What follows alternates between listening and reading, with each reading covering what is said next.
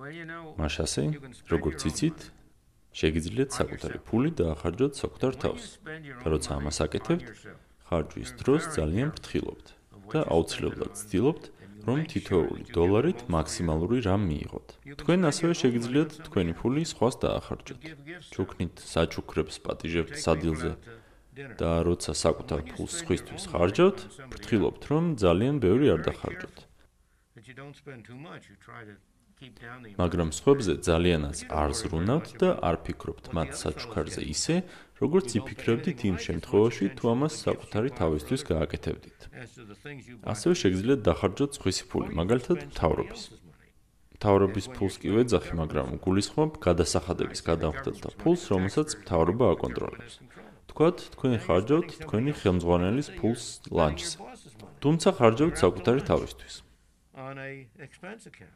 ამ შემთხვევაში აქცენტს აკეთებთ მაღალ ხარისხს. ეცდებით რომ გქონდეთ საუკეთესო ლანჩი, მაგრამ ამ შემთხვევაში არ ფიქრობთ ეკონომიაზე. ყიდულობთ ყველაფერს, რაც გსურთ.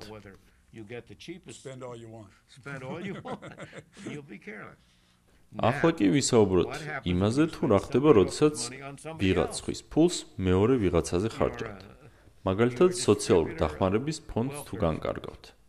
საკუთარი ცხოვრების მაქსიმალურად კარგად მოწყობაზე ყველა ზრუნავს და ადამიანებს უმეტესობას აქვს ეს ინსტინქტი რომ საკუთარ თავზე იზრუნოს მაგრამ როდესაც ვიღაც უცხოს ფულს ხარჯავთ ასევე ვიღაც უცხოზე თქვენი სიფრთხილე მინიმუმზე იქნება დასული.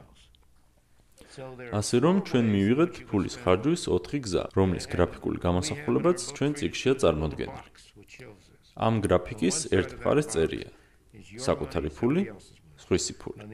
გრაფიკის ზემოთ კი მოკლედ ორი გრაფაა. საკუთარ თავზე ხარჯვა და სხვისთვის ხარჯვა.